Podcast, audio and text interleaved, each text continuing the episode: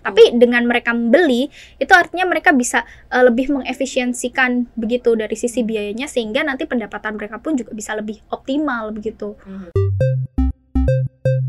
potensi sahamnya emiten yang sudah listing dan mereka bisa menjual carbon credit belum banyak ya.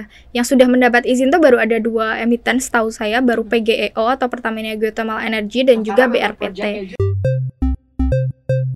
Perusahaan-perusahaan ini tuh kebanyakan dia padat modal hmm, atau betul. mereka uh, punya utang itu memang banyak hmm. begitu ya. Jadi ya kita perlu monitor juga bagaimana tiap perusahaan itu kesehatan secara fundamentalnya bagaimana. Paham Pantauan Saham Makin paham makin cuan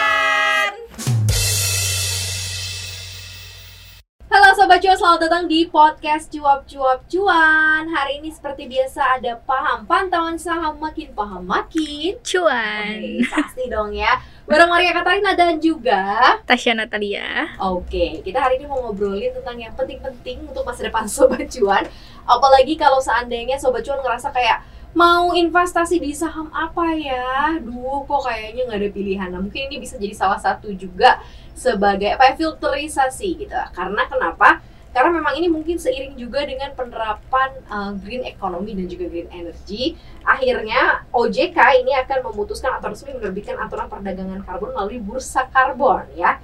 Aturannya tertuang dalam peraturan OJK nomor 14 tahun 2023 tentang perdagangan karbon melalui bursa karbon atau POJK bursa karbon. Ini pastinya ini akan menguntungkan perusahaan-perusahaan yang memiliki tingkat emisi karbon yang rendah. Nah, berarti dengan kata lain menuju ke sana kan untuk meluluskan semua hal ini perusahaan-perusahaan yang saat ini pun menghasilkan emisi karbon akan berlomba-lomba untuk punya emisi karbon yang jauh lebih rendah gitu ya. Jadi mereka juga pasti akan menjadi futures company untuk diinvestasikan. Nah, kita akan lihat sejauh mana sih kemudian peraturan uh, carbon trading ini sangat ngefek dalam tanda kutip untuk saham-saham yang pastinya uh, mendukung green economy dan juga green energy. Nah, kita mungkin jelasin dari mulai apa sih carbon trading mungkin ya, mungkin nggak banyak yeah Ah, teman-teman sobat cuan yang udah ngeh nih dan udah ngerti nih apa sih gitu sih carbon trading ini? Uh, lebih tepatnya kita bilang uh, bursa karbon ya yang mungkin bakalan launching bulan depan ini. Ya. Jadi udah tinggal kita menghitung minggu atau hari aja. Hmm. Nah, sebenarnya di bursa karbon itu yang diperdagangkan adalah karbon kredit. Nah, hmm. karbon kredit ini yang perlu kita pahami, dia merupakan uh, perdagangan izin emisi gas gitu. Hmm. Tapi diberi nama karbon kredit. Mungkin kalau kita bilang ini fungsinya apa gitu ya kenapa karbon diperjualbelikan gitu apa fungsi bagi pembeli ataupun bagi uh, penjual, penjual. gitu kan. Nah ini kan ada dua aspek yang perlu kita pahami gitu karena ada keuntungan ada juga kelebih ada kekurangan maksudnya ya. Nah kita uh, bilang dulu ke yang uh, penjual deh gitu. Kalau penjual kan dia pasti akan dapat keuntungan Betul. gitu kan Nah, jadi siapa yang bisa menjual uh, karbon kredit ini? Hmm. Jadi pertama nanti pemerintah akan menetapkan dulu nih batas uh, emisi ya, yang ya, diperbolehkan. Yang ya? diperbolehkan gitu. Nah, emisi ini nggak bisa langsung ditembak berapa begitu, tapi ini menyesuaikan ke sektor mana dan hmm. uh, kalau misalnya kita bilang energi pasti dia emisinya banyak begitu ya. Nah, sekarang yang diuntungkan dulu berarti perusahaan yang membuat renewable energy begitu hmm. kan bisa dari mana aja geothermal ataupun dari hydro dan lain sebagainya.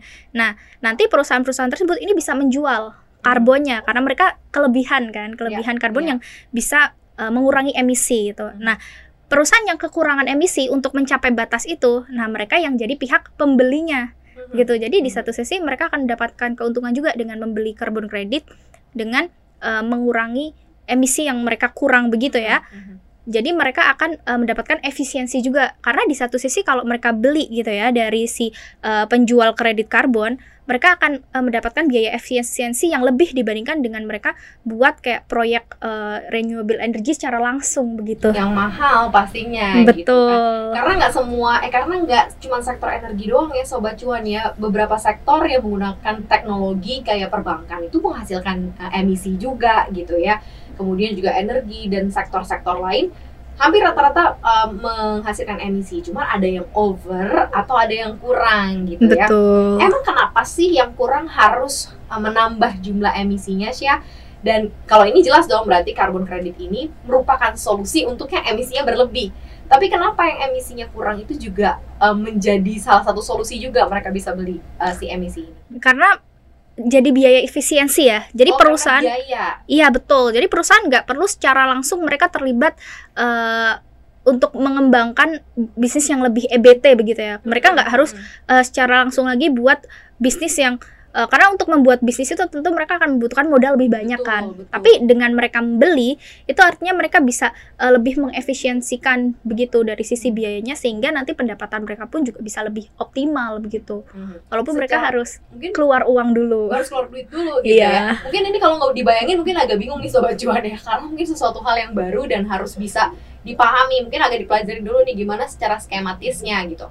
Nah, kalau misalnya eh, soal emisi karbon ini ya, kemudian ada perusahaan misalnya perusahaan yang bisa menjual, kemudian perusahaan yang eh, bisa membeli. Dan ini menguntungkan dari sisi satu efisiensi, yang satu bisa pengurangan emisi. Akan akan cukup mengganggu nggak sih dengan adanya si karbon kredit ini dengan pengembangan project EBT-nya langsung. Jadi kan mungkin mereka akan berpikir, oh ada solusi dengan karbon kredit, saya nggak harus berbisnis atau nggak langsung membuat bisnis dengan EBT gitu, karena ada solusi di sini gitu, merupakan penghambat atau justru malah bukan menghambat, malah justru malah bisa lebih menggeliatkan. Gitu. Kalau saya lihat ini sebagai peluang ya, karena ketika eh, perusahaan itu misalnya memang sudah dia punya project untuk membangun suatu EBT, tetapi di satu sisi kan eh, dia bisa menggencarkan lagi ya bisnisnya ini semakin menggeliat supaya dia bisa mengejar gitu agar kalau dia nanti sudah eh, kelebihan karbon gitu ya atau kurang emisi ya dia bisa menjualnya gitu tapi prosesnya mungkin nanti yang eh, akan lebih lama karena kan ketika eh, nanti dia sudah punya eh, misal karbon yang bisa dijual, dia harus mendapatkan izin juga kan dari eh, otoritas gitu, sehingga dia ketika punya eh, terverified gitu dia bisa menjual, ya dia bi- bisa mendulang ke- eh, keuntungan juga begitu. Hmm. Jadi di satu sisi eh, sebenarnya tidak terlalu bermasalah untuk eh, perusahaan yang mungkin sedang mengejarkan EBT, Oke. malah bisa Atau menjadi baru ingin membangun Iya, EBT baru tidak ingin akan berpengaruh tidak akan berpengaruh. gitu ya. Cuman kita tinggal melihat kepada waktu saja. Jadi kayak itu eh, sebenarnya hanya sebagai pengurangan emisi dari perusahaannya saja untuk mencapai batas emisi Hmm. atau itu menjadi peluang untuk menjadi saluran pendapatan yang baru begitu. Hmm, Oke, berarti akan sejauh mana ini menjadi salah satu uh, support kinerja untuk perusahaan Betul. si uh, carbon credit ini yang kamu lihat. Kalau dilihat dari sisi komparasi perusahaan yang ada di Indonesia, berapa persen yang akan mungkin berpotensi dalam tanda kutip menjual, berapa persen yang dalam tanda kutip akan membutuhkan gitu. Akan seperti apa ini juga akan ngaruh ke kinerja mereka. Kalau kita melihat secara demand ya, siapa yang akan membeli ini lebih banyak dibandingkan siapa yang menjual. Oh, oke. Ya. Jadi dengan kata lain sebenarnya perusahaan-perusahaan Indonesia yang menghasilkan emisi besar itu sebenarnya tidak terlalu banyak gitu ya. Eh, kalau emisi ini ya eh, paparan yang berpolusi sebenarnya banyak begitu. polusi, Iya, polusi itu banyak. Bukan untuk yang polusi, Iya. gitu kan, si emisi si Emisi karbon ini, karbon kredit. ini. Uh-uh. Nah, kalau berbicara siapa yang menjual begitu, sebenarnya eh, ini lebih sedikit begitu ya, karena kan memang EBT saat ini tuh porsinya, misal kita berbicara eh, supply energi lah ya, eh, listrik begitu.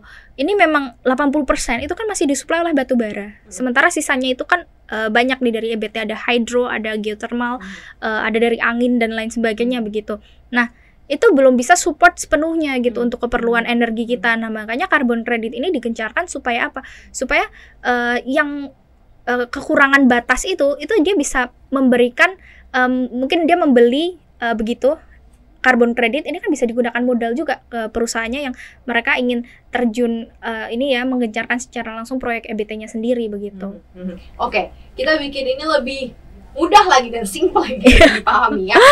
Akan efeknya ke masyarakat luas seperti apa sih jika kemudian karbon kredit ini berjalan sebagaimana mestinya ya sesuai dengan roadmap yang memang sudah di eh, dicanangkan, kemudian juga izin yang sudah diberikan, kemudian mungkin tadi pemet- pemetaan siapa yang akan membeli, akan mengkonsumsi, siapa yang nanti akan menjual gitu ya. Efek signifikan untuk masyarakat. Nah, mungkin Oke. yang mungkin ini bisa kemudian masyarakat nge oh gini toh cara kerjanya. Cara kerja.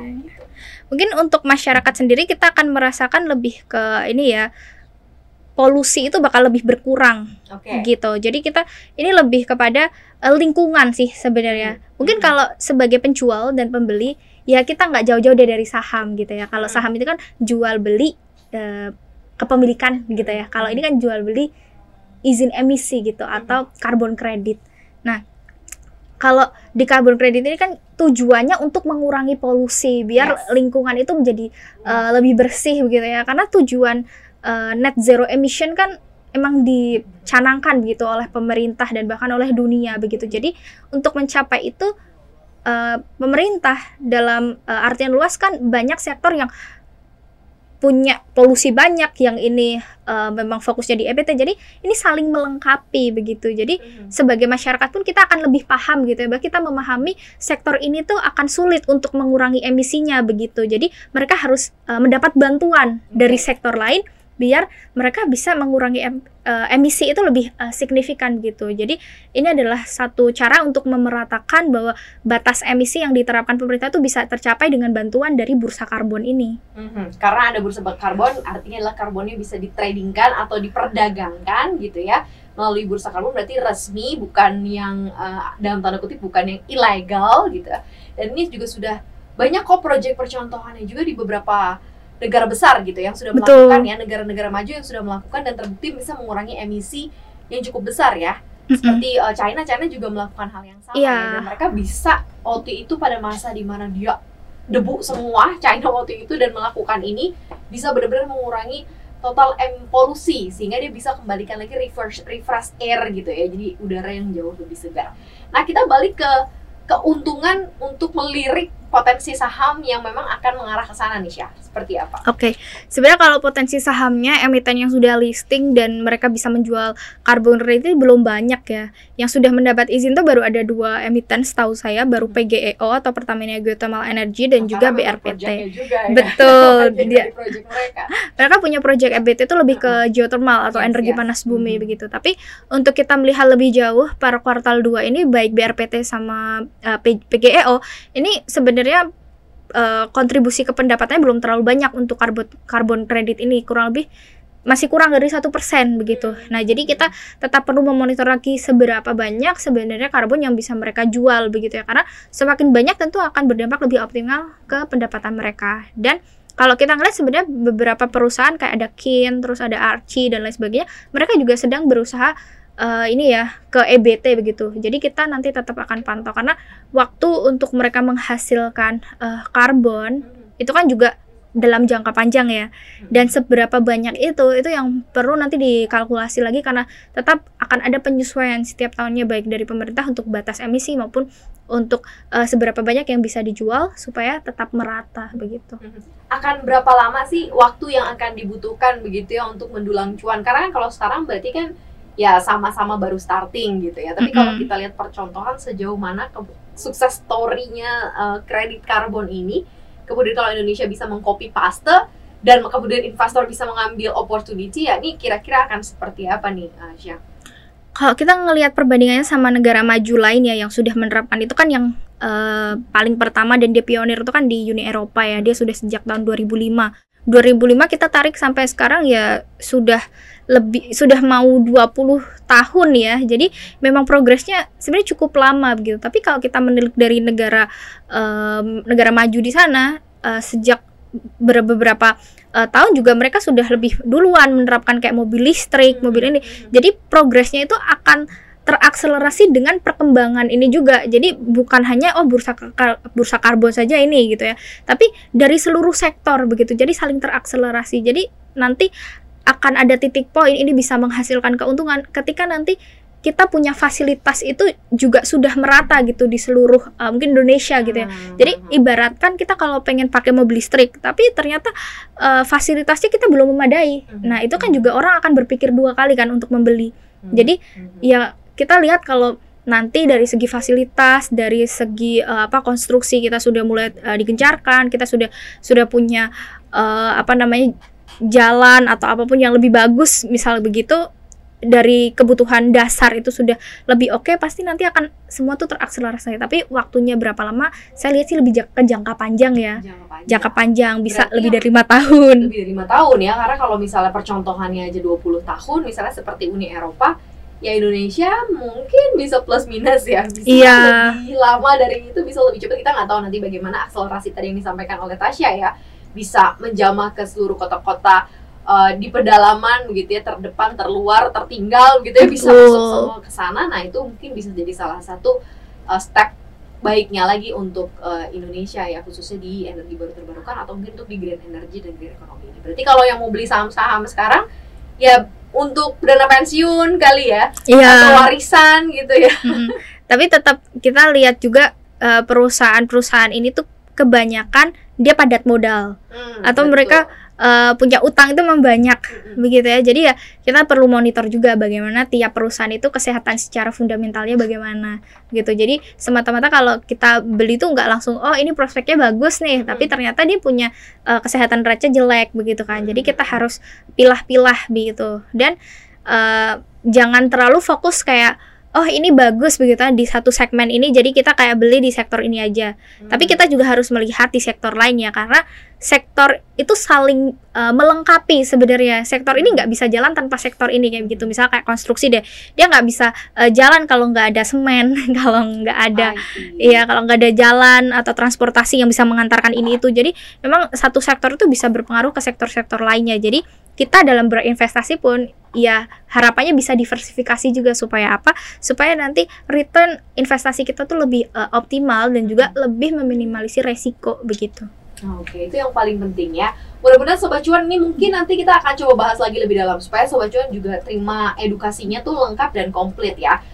Ngedengerin kita berdua mudah-mudahan udah cukup tapi ditambah lagi baca gitu ya cari informasi apa sih yang menarik dan apa sih yang bikin kemudian saham-saham yang bergerak di uh, energi atau industri yang berkaitan dengan emisi karbon rendah, kemudian juga energi baru terbarukan, green energy ini menjadi sangat menarik untuk bisa dimiliki sekarang. Yang jelas itu aja dulu ya, pahami dan kemudian mulai lihat-lihat dulu ya. Thank you Tasya udah ngobrol-ngobrol pastinya dan Sobat Cuan juga thank you udah dengerin paham hari ini. Jangan lupa untuk dengerin konten podcast kita lainnya di Apple Podcast, Google Podcast, Spotify, dan Anchor. Follow aku di Instagram kita di @cuap underscore cuan dan subscribe YouTube channel kita di Cuap Cuap Cuan di like, di share dan juga di komen.